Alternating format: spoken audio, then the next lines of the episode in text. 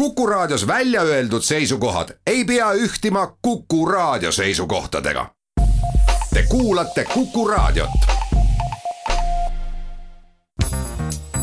järjejutt. Nelli Blai, seitsmekümne kahe päevaga ümber maailma. tõlkinud Riina Jesmin Loomingu Raamatukogult. järjejutt. ettepanek maakerale tiir peale teha kust tuli mulle see mõte? mõnikord on raske öelda, mis nimelt ühe idee sünnitab. ideed on ajakirjaniku ameti põhivara ja üldiselt on need turu kõige raskemini kättesaadavad kaubad, kuid aeg-ajalt neid liigub. see idee turgatas mulle pähe ühel pühapäeval. olin suurema osa päevast ja pool ööd üritanud tagajärjetult ajaleheloo teemat välja nuputada mul oli kombeks ideid pühapäeviti välja mõelda ja neid esmaspäeviti peatoimetajale tutvustada, et ta need kas heaks kiidaks või maha laidaks. kuid sel päeval ei sündinud ühtegi ideed ja kell kolm öösel olin kurnatud ning vähkresin peavaluga voodis. viimaks, väsinud ja vihane oma võimetuse peale leida teemat, mille kallal nädal aega töötada, mõtlesin ärritatult. tahaksin teises maailma otsas olla. ja miks ka mitte, turgatas mulle pähe mul on puhkust vaja. miks mitte ümber maailma reisida? Pole raske taibata, kuidas üks mõte teisele järgnes. ümber maailma reisi idee meeldis mulle ja ma arutlesin. kui ma suudan reisi sooritada niisama kiiresti nagu Phileas Fogg, siis lähen. seejärel arutasin, kas oleks võimalik ümber maailma reisida kaheksakümne päevaga ning jäin pärast seda hõlpsasti magama, otsustanud uurida, enne kui jälle voodisse heidan, kas Phileas Foggi rekordit saaks purustada. Läksin järgmisel päeval ühe laevakompanii kontorisse ja valisin välja paar sõiduplaani.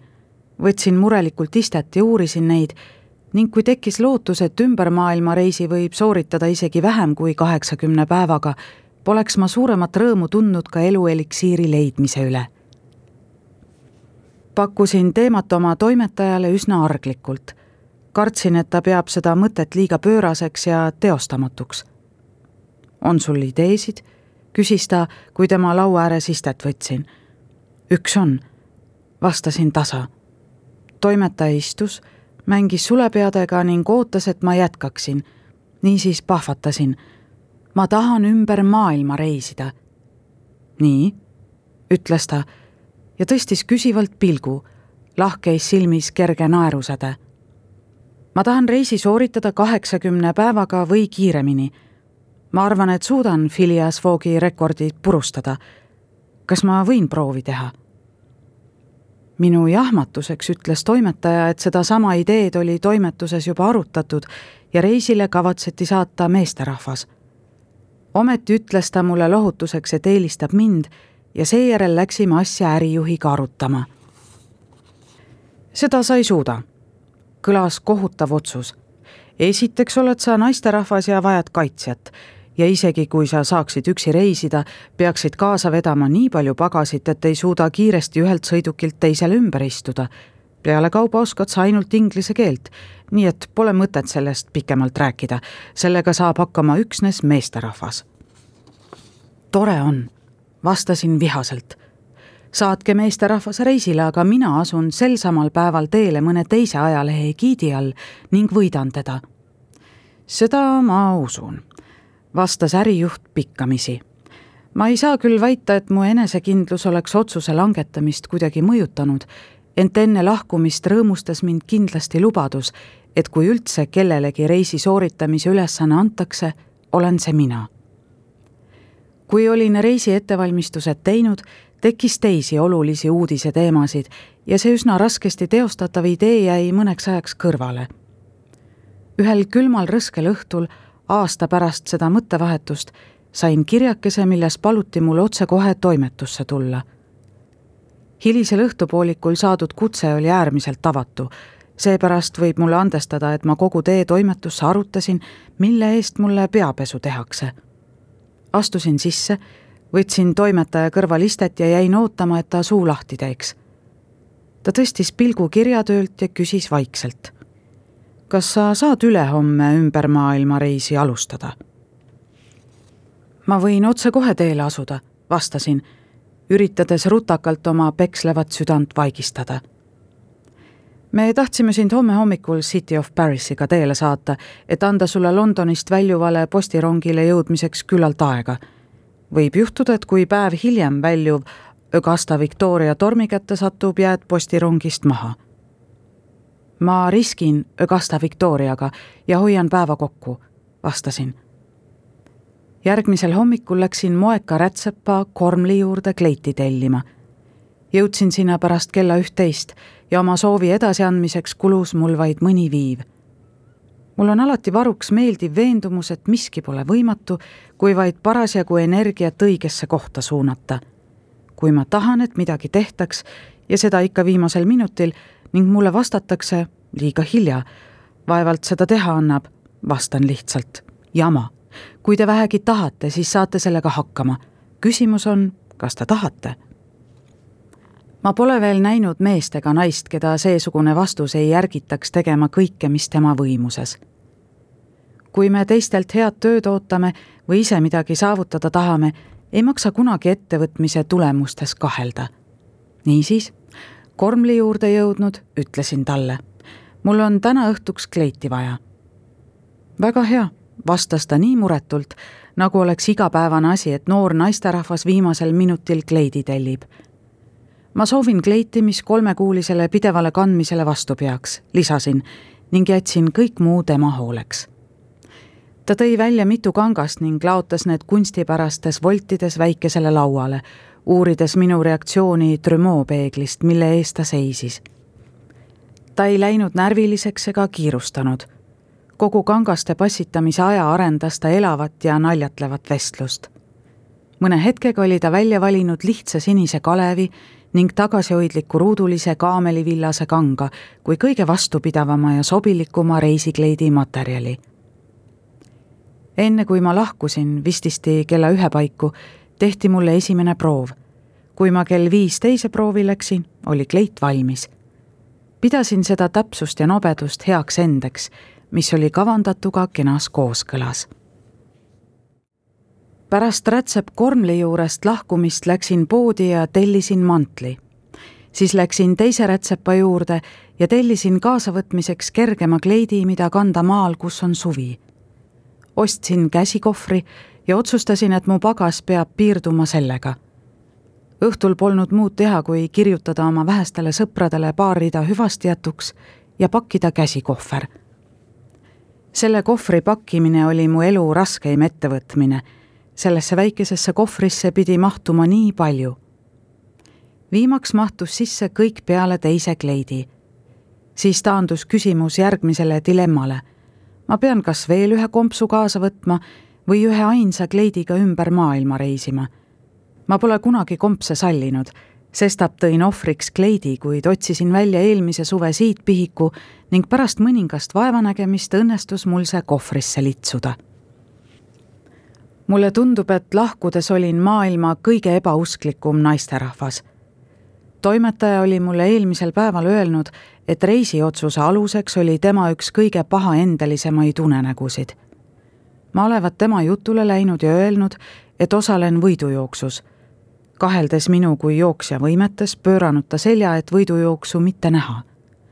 ta kuulnud orkestrit mängimas, nagu neil puhkudel tavaks, ja aplausi, millega finišisse jõudnuid tervitati. siis tulnud mina tema juurde, pisarad silmis, ja öelnud, ma kaotasin võidujooksu. mina võin selle unenäo ära seletada, ütlesin, kui ta oli lõpetanud.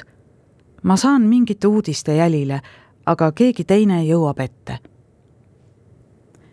kui mulle järgmisel päeval öeldi, et lähen ümber maailma reisile, tundsin, kuidas mind valdasid hirmu tekitavad aimused. Ma kartsin, et aeg võidab ja ma ei soorita reisi kaheksakümne või vähema päevaga. ka polnud mu tervis hea, kui kuulsin, et pean võimalikult lühikese ajaga ümber maailma reisima just sellisel aastaajal. peaaegu aasta otsa olin iga päev peavalu all kannatanud ja ainult nädal varem olin konsulteerinud mitme väljapaistva arstiga, kartes, et mu tervis hakkab pideva töö tõttu üles ütlema. Olin ligi kolm aastat ajalehele kaastööd teinud ega olnud selle aja jooksul saanud ainustki puhkepäeva. Pole siis ime, et suhtusin sellesse reisi kui väga toredasse ja hädavajalikku puhkusse. ärasõidu eelõhtul käisin toimetuses ning sain kakssada naela Inglise kuldmüntides ja Inglise panga kupüürides. kulla panin taskusse. Inglise panga kupüürid panin seemisnahast kotiga endale kaela peale selle võtsin kaasa ka veidi Ameerika kuld- ja paberraha, et seda sadamates pruukida ja vaadata, kas Ameerika raha ka väljaspool Ameerikat tuntakse. mu käsikohvri põhjas oli riigisekretär James G Blaine'i allkirjaga eripass number kakssada nelikümmend seitse. keegi soovitas, et revolver sobiks passiga kenasti kokku, kuid minul oli nii tugev usk sellesse, et maailm tervitab mind samamoodi nagu mina teda et keeldusin end relvastamast. ma teadsin, et kui käitun õigesti, leian alati mehi, kes mind kaitsevad, olgu nad ameeriklased, inglased, prantslased, sakslased või muu rahvuse esindajad. New Yorgis on täiesti võimalik terveks reisiks piletid ära osta, aga mina arvasin, et olen võib-olla sunnitud peaaegu igas punktis oma marsruuti muutma. sestap oli mul New Yorgist lahkudes taskus ainult pilet Londonisse kui toimetusse hüvasti jätma läksin, leidsin, et minu eelseisvaks reisiks polnud tehtud mingitki kava ja oli kahtlusi, kas postirong, millega ma pidin Prindisisse jõudma, ikka väljub Londonist iga reede õhtul. ka ei teadnud me, kas sellel nädalal, kui ma pidin ootuspäraselt Londonisse saabuma, on võimalik rongilt ümber istuda Prindisist Indiasse sõitvale laevale või hoopis Hiinasse sõitvale laevale tegelikult olin Prindisisse saabudes maailma kõige üllatunum neiu, kuna leidsin, et laev, millele jõudsin, oli teel Austraaliasse. ma järgnesin mehele, kes oli saadetud aurulaeva kompanii kontorisse, et ta üritaks paika panna ajakava ja aitaks siinpool ookeani asja korraldada nii hästi, kui sai. see, kuivõrd plaan paika pidas, selgub hiljem pärast naasmist on minult väga sageli küsitud, kui palju rõivaid ma oma ainsas käsikohvris kaasa võtsin. mõned on arvanud, et ainult ühe eseme, teised, et mul olid kaasas siidrõivad, mis võtavad vähe ruumi ja kolmandad on küsinud, kas ma ostsin kõik vajaliku sadamates. keegi ei tea tavalise reisikoti mahutavust enne, kui äärmine häda sunnib inimest kogu oma leidlikkust appi võtma, et iga ese kõige väiksemate võimalike mõõtmeteni kokku suruda minul õnnestus oma kotti pakkida kaks reisimütsi, kolm loori, sussipaar, täielik kogu tualetitarbeid, kirjutuslaua garnituur, sulepead, pliiatsid ja kirjapaber, juuksenõelad, nõelad ja niit, hommikumantel, tennisejakk, väike plasku ja joogitops, mitu komplekti aluspesu, terve hulk taskurätikuid ja puhtaid rüüse ning kõige suurema ja jäigema esemena purk koldkreemi mis pidi hoidma mu näonaha pakatamast mitmesugustes ilmastikutingimustes, millega pidin kokku puutuma. see koldkreemi purk oli mu hukatus. näis, et see hõivab kotis rohkem ruumi kui miski muu ja satub alati just sellisesse kohta, kus takistab mul kotti sulgemast. käe peal oli mul siidist vihmamantel, ainus varustus vihmase ilma puhuks tagantjärele tarkus ütles, et võtsin kaasa pigem liiga palju kui liiga vähe kraami. igas sadamas, kus ma peatusin, oleksin võinud osta ükskõik millise riideeseme kuni valmis kleidini, välja arvatud ehk Kaadanis, ja kuna ma sealsetes poodides ei käinud, ei saa ma kogemuste põhjal rääkida küsimus, kuidas lasta kiirelt edasi liikudes oma pesu pesta, tegi mulle enne teele asumist suurt muret mul oli teooria, et võin pesunaise teenuseid kasutada reisi kestel vaid korra või paar. teadsin, et rongis on see võimatu, kuid pikimad rongisõidud olid kahepäevane reis Londonist Prindisisse ja neljapäevane reis San Franciscost New Yorki. Atlandi ookeani aurikutel pesu ei pesta. Prindisi ja Hiina vahet sõitvatel Peninsulaar and Orientali aurikutel, mida kõik PO laevadeks kutsuvad, annab vanem madrus iga päev välja sellisel hulgal pestud pesu, mis hämmastaks Ameerika suurimatki pesumaja. isegi kui laevadel pesu ei pesta, on igas sadamas, kus need peatuvad, ootamas terve hulk asjatundjaid, kes tahavad iga hinna eest näidata, mida idamaades pesu pesemise vallas teha osatakse kuus tundi on neile oma töö tegemiseks täiesti piisav aeg ja kui nad lubavad töö teatud ajaks ära teha, siis teevad nad seda minuti pealt. vahest on põhjuseks see, et nad ise rõivaid ei vaja, kuid hindavad raha, mida töö eest saavad, selle täies väärtuses. New Yorgi pesumaja hindadega võrreldes on nende tasu imeväike. nii palju minu ettevalmistustest ilmneb, et kui reisitakse vaid reisimise, mitte kaasareisijatele mulje avaldamise pärast, on pagasi probleem väga lihtne. vaid ühel korral Hongkongis, kus mind kutsuti ametlikule õhtusöögile, kahetsesin, et mul õhtukleiti kaasas polnud. kuid sellest õhtusöögist ilmajäämine oli tühi asi, võrreldes kogu selle vastutuse ja murega, millest pääsesin tänu sellele, et mul polnud vaja terve hulga kohvrite ja kastide eest hoolt kanda neljapäeval, tuhande kaheksasaja kaheksakümne üheksanda aasta neljateistkümnendal novembril kell üheksa nelikümmend kolmkümmend alustasin ma oma ümber maailma reisi. Need, kelle meelest öö on päeva parim osa ja hommik on mõeldud magamiseks, teavad, kui halvasti nad end tunnevad, kui peavad mingil põhjusel tõusma enne, nojah, enne kukke ja koitu. keerasin mitu korda külge, enne kui otsustasin voodist tõusta arutasin uniselt, miks tundub voodi palju mõnusam ja näpatud tukastus, mis võib sind rongist maha jätta, on kohuse kutse ajal palju sulnim kui sellest vabadel unetundidel. lubasin endale pooliti, et pärast naasmist teesklen mõnikord, nagu oleks mul hädasti vaja tõusta, et võiksin nautida näpatud tukastuse mõnu, ilma et selle tõttu midagi kaotsi läheks. uinusin nende mõtete saatel väga magusasti ning võpatasin seejärel ärkvele arutades ärevalt, kas ma jõuan veel laevale. muidugi tahtsin ma reisile minna, kuid mõtlesin laisalt, et kui mõni neist headest inimestest, kes viidavad nii palju aega lennumasinate leiutamisega, pühendaksid vaid veidigi sellest samast energiast säärase süsteemi arendamisele, kus laevad ja rongid väljuvad alati keskpäeval või hiljem, oleks neist kannatavale inimkonnale rohkem kasu üritasin veidi hommikust süüa, kuid aeg oli toidu talumiseks liiga varane. saabus viimane kodus veedetud hetk. kiire suudlus armsatele omastele ja sõge sööst trepist alla, et saada jagu kurku kerkinud klimbist, mis ähvardas panna mind eesseisvat reisi kahetsema. ärge muretsege, laususin julgustavalt, kuna ei suutnud välja öelda seda kohutavat sõna hüvasti mõelge vaid sellele, et mul on puhkus ja mu elu kõige toredam aeg siis teel laevale mõtlesin enesejulgustuseks. kõigest kahekümne kaheksa tuhande miili ehk seitsmekümne viie päeva ja nelja tunni pärast olen jälle kodus. mõni sõber, kellele olin oma rutakast lahkumisest teada andnud, tuli hüvasti jätma. hommik oli särav ja ilus ja kõik näis väga tore, kuni laev paigal seisis. kui aga saatjatel kästi kaldale minna, hakkasin aru saama, mida see mulle tähendab ära kaota julgust, ütlesid sõbrad hüvastijätuks mu kätt surudes.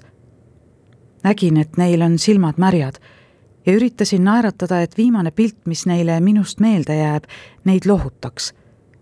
kui aga kõlas vile ja nemad jäid kaile ning mina Ögasta Victoriale, mis eemaldus pikkamisi, kuid kindlalt kõigest, mis oli mulle tuttav ja viis mind võõrastele maadele võõraste inimeste sekka, tundsin end ebakindlalt pea käis ringi ja süda tahtis lõhkeda. kõigest seitsekümmend viis päeva. jah, aga see paistis igavikuna ja maakera polnud enam ümmargune, vaid otse kui pikk lõputu tee ja noh, ma ei pöördu iial tagasi. jälgisin kailseisjaid seni, kuni sain. ma polnud nii rõõmus, nagu olen olnud mõnel teisel puhul. mind täitis härdameelne ihk kõigega hüvasti jätta. ma sõidan ära mõtlesin kurvalt. ja kas ma iial tagasi tulen? kohutav palavus, kibe külm, hirmsad tormid, laevahukud, tõved. kõiki neid meeldivaid jutte oli mulle pähe taotud seni, kuni tundsin end üpris samamoodi, nagu minu meelest võib end tunda inimene, kes on pilkas pimedasse koopasse kinni pandud ja kellele on öeldud, et kõiksugu koletised ootavad pikisilmi hetke, millal teda nahka panna hommik oli ilus ja laht polnud iial tundunud nii kaunis. laev libises sujuvalt ja rahulikult merele, tekil olijad otsisid endale toolid ja vaibad ning seadsid end mugavalt sisse, nagu oleksid otsustanud elu nautida, kuni saavad, sest iial ei tea, millal keegi teine kavatseb nende arvel elu nautida. kui loots minekule asutas, tõttasid kõik parda äärde vaatama, kuidas ta väikesest köisredelist alla ronib. Jälgisin teda teraselt, kuid ta ronis meile ainsatki pilku heitmata alla ja astus aerupaati, mis ootas, et ta lootsilaevale viia. talle oli see igapäevane asi, kuid mina ei saanud jätta juurdlemata, kas ta siis, kui laev peaks põhja minema, ei kahetse, et mõnd sõna ei lausunud või pilku ei heitnud. nüüd alustasite oma reisi, ütles mulle keegi. Meie reis algab siis ja alles siis, kui loots on lahkunud ja kapten jälle juhtimise üle võtab. nii et nüüd olete tõesti oma ümber maailma reisiga algust teinud. miski tema sõnades viis mu mõtted tollele mereõudusele, merehaigusele kuna ma polnud iial varem merereisil käinud, ei võinud ma muud oodatagi kui ränka heitlust tiiveldusega. kas te jääte merehaigeks? küsiti minult sõbraliku huviga. Sellest piisas, ma tormasin reelingu äärde. haigeks?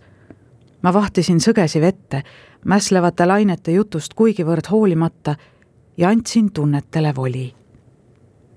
inimesed suhtuvad merehaigusse alati kalgilt silmist pisaraid pühkides ja ringi keerates nägin kõigi reisijate näol muhelust. ma olen tähele pannud, et kui keegi äkitselt eh, nii-öelda omaenda tunnete meelevalda satub, on kaasreisijad ikka sama parda ääres. muhelused mind ei häirinud, kuid üks mees ütles pilklikult, ise tahab veel ümber maailma reisida. minagi ühinesin järgnenud naeruga imestasin endamisi oma julguse üle säärast vägitükki ette võtta, merereisidega harjumatu, nagu ma olin. ometi polnud mul tulemuste suhtes ainumatki kahtlust. muidugi läksin ma lõunat sööma. Kõik läksid ja peaaegu kõik lahkusid kiiruga. mina läksin koos teistega või ei tea, vahest tegin ise algust igal juhul ei näinud ma ülejäänud reisi kestel kunagi söögisaalis ühe korraga nii palju inimesi kui serveeriti õhtusööki, astusin väga vapralt sisse ja istusin kaptenist vasakule. Olin kindlalt otsustanud oma äedale vastu seista, ent ometi püsis mu südames hoopis kahtluse kübe, et olen sattunud kokku millegi tahtejõust tugevamaga.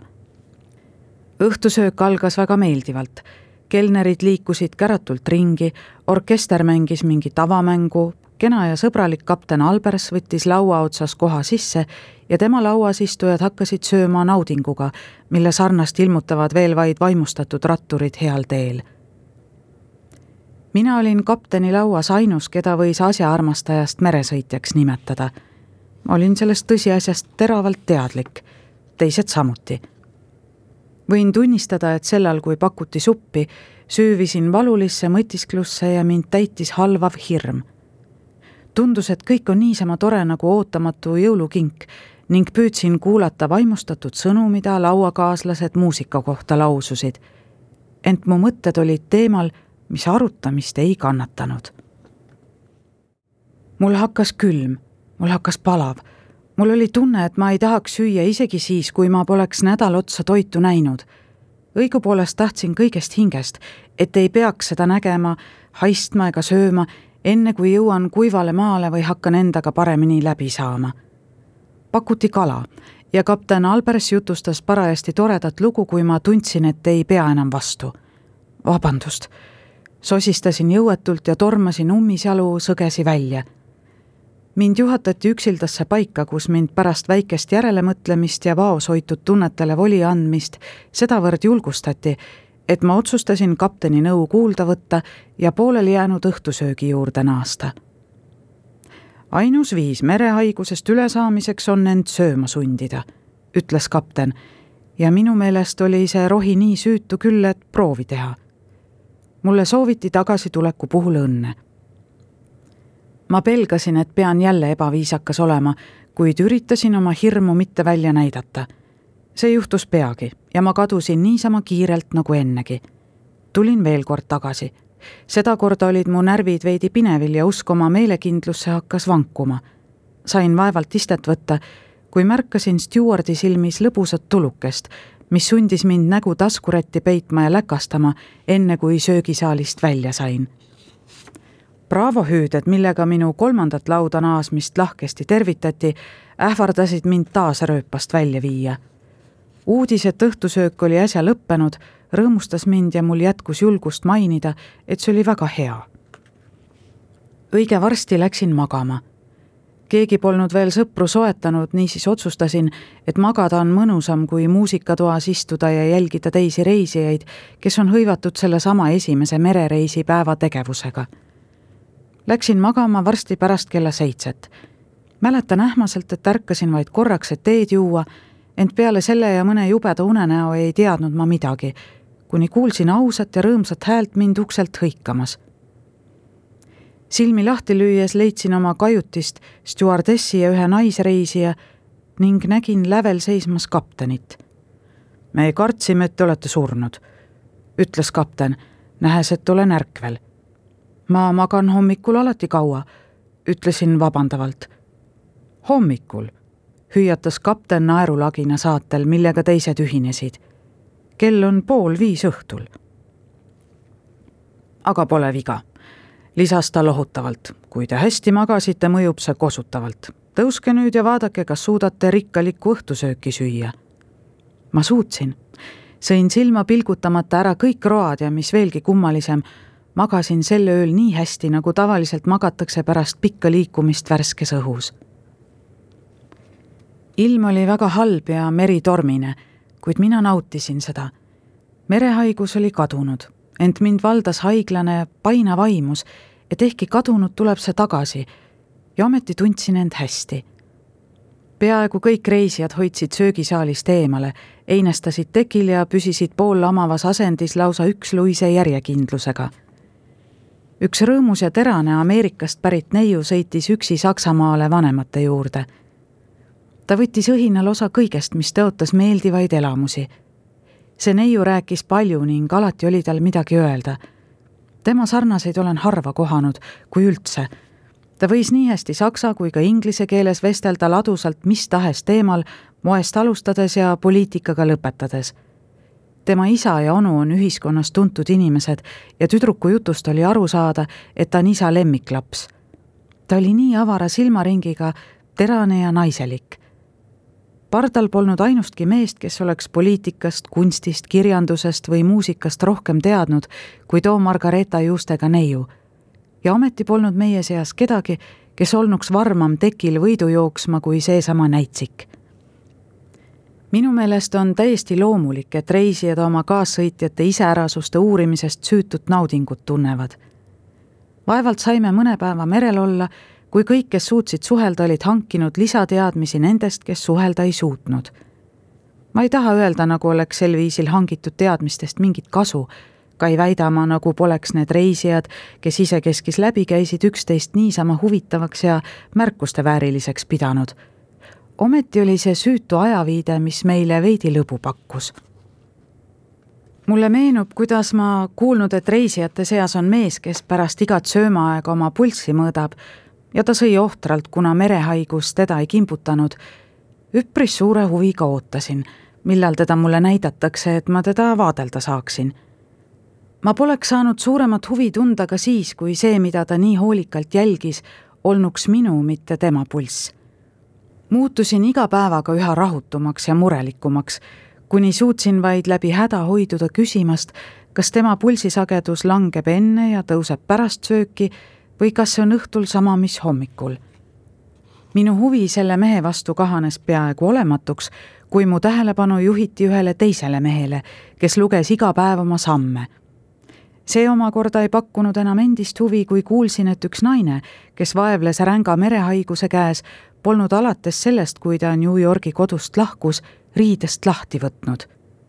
kindlasti upume kõik ära, ütles ta ühel päeval südamepuistamishoos ja mina kavatsen uppuda rõivastatult. pärast seda ei pannud ma enam imeks, et ta nii kohutavalt merehaige oli.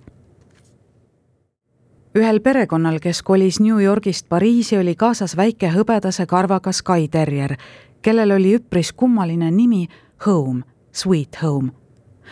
koera, nagu ka nende õnneks, kes pidid teda kõnetama, oli see Home'iks lühendatud Home'i eest oli makstud, kuid laeva reeglite järgi anti Home'i tema peremehe ja perenaise nördimuseks lihuniku hoole alla. Home'i polnud sääraste karmide abinõudega harjunud ja tema elu ainsad rõõmuhetked olid need, mil ta lubati tekile.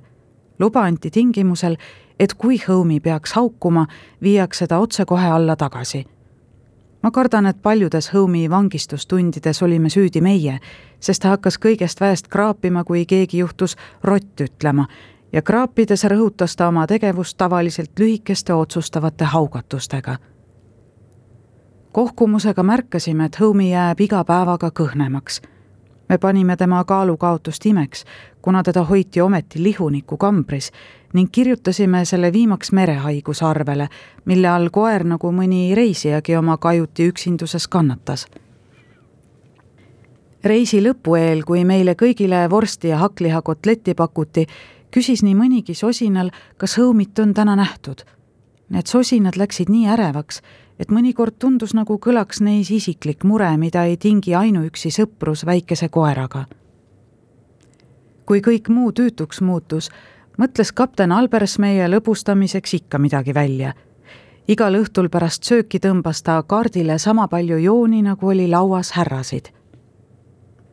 ta märkis ühe sellise joone ära, voltis seejärel kaardi osaliselt kokku, nii et märget polnud näha ning laskis kaardi ringi käima, et härrad oma valiku teeksid kui kõik olid oma märke teinud, anti kaart kaptenile ja meie ootasime hinge kinni pidades otsust härra, kelle nimi oli ära märgitud, maksis ka teiste sigarite ja likööri eest.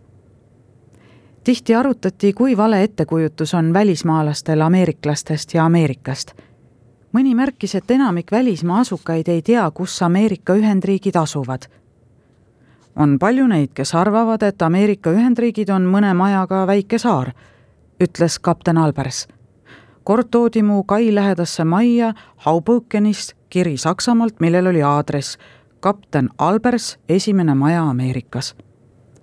mina sain kord Saksamaalt kirja, sõnas kõige tagasihoidlikum lauasistuja, kes omaenda häälekõla peale näost punaseks lahvatas, millel seisis Haubõken Ameerika Ühendriikide vastas kahekümne esimesel novembril hüüdis keegi lõunalauas, et maa paistab kindlasti polnud Kolumbuse kaaslased Ameerikat nähes innukamad lauast tõusma ja tekile tormama. ma ei oska seda kuidagi põhjendada, kuid tean, et silmitsesin esimest kahvatut maariba suurema huviga, kui oleksin pühendanud maailma kauneimale vaatepildile. maa polnud kuigi kaua silmapiiril terendanud, kui tekile hakkasid rüsima uimased kurnatud inimesed. tundus, nagu oleks uusi reisijaid peale võetud me ei suutnud mõista, et nad olid New Yorgist saadik laeval olnud ning pärast sadamast lahkumist üksinduspäevi nautinud. sel õhtul oli eine väga meeldiv. Nende auks, kes pidid Southamptonis maale minema, valmistati eriroogasid. seitsme päeva eest New Yorgist välja sõites ei tundnud ma ühtegi neist reisijatest, kuid taibates, et pean varsti nendega hüvasti jätma, kahetsesin lahkuminekut väga oleksin ma koos kaaslasega reisinud, poleks ma seda nii teravalt tajunud, sest siis oleks mul olnud vähem aega kaasreisijatega tutvust teha. Nad kõik olid minu vastu nii lahked, et ma oleksin äärmiselt tänamatu naisterahvas, kui ma poleks tundnud, et jätan hüvasti sõpradega. kapten Albers oli palju aastaid kaptenina idamaade meredel seilanud ja ta selgitas, kuidas peaksin oma tervise eest hoolt kandma. sedamööda, kuidas minu aeg Augusta Victorial lühemaks jäi, visati sõbralikult nalja selle üle, mis võiks välja tulla minu katsest purustada kirjandusliku kangelase rekord ja ma teesklesin lustakust, et oma tõelisi hirme varjata. kõik Augusta Victoria reisijad jäid tekile meid ära saatma. me istusime tekil ja ajasime juttu või kõndisime närviliselt edasi-tagasi kella poole kolmeni öösel. siis ütles keegi, et puksiir on parda ääres ja me kõik tormasime seda vaatama kui see oli kinnitatud, läksime alumisele tekile vaatama, kes pardale tuleb ja maauudiseid kuulama. üks meesterahvas oli väga murelik, kui kuulis, et sõidan Londonisse üksi. tema meelest oli tund nii hiline või pigem varane, et ta kartis, et Londoni korrespondent, kes pidi mulle vastu tulema, ei ilmu kohale. mina igatahes lahkun siin laevalt ja saadan teid turvaliselt Londonisse, kui keegi teile vastu ei tule. Kuulutas ta hoolimata minu kinnitustest, et ma olen täiesti suuteline saatjata elusalt ja tervelt kohale jõudma. pigem tema kui enda pärast jälgisin pardale tulijaid ja üritasin leida seda, kes oli mulle vastu saadetud mitu meest möödus parajasti hanereas, kui keegi härra minu ümber maailma reisi mainis pikk noormees kuulis märkust, keeras trepialamil ringi ja silmitses mind kõhklevalt naeratades. Nelli Bly, küsis ta. jah, vastasin ning sirutasin käe, mida ta südamlikult pigistas, samal ajal küsides, kas reis oli tore ja kas mu pagas on maale viimiseks valmis. mees, kes oli mu Londoni sõidu pärast nii mures olnud, kasutas juhust, et korrespondendiga vestlust alustada hiljem astus ta minu juurde ja ütles näol äärmiselt rahulolev ilme.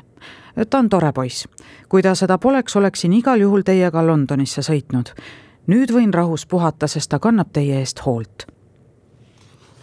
ma lahkusin südames soe tunne selle lahke mehe vastu, kes oleks omaenda mugavuse ohvriks toonud, et kaitsetu naisterahva turvalisust kindlustada. mõni soe käepigistus, vastastikused head soovid kerge kuivus kurgus, kerge südamevärin, rutakas jooks mööda ristloodist plankusid teiste Londonisse sõitjate juurde ja siis eemaldus puksiir laevast ning me kandusime pimedusse. järjejutt. Nelli Bly, seitsmekümne kahe päevaga ümber maailma. tõlkinud Riina Jesmin Loomingu Raamatukogult. järjejutt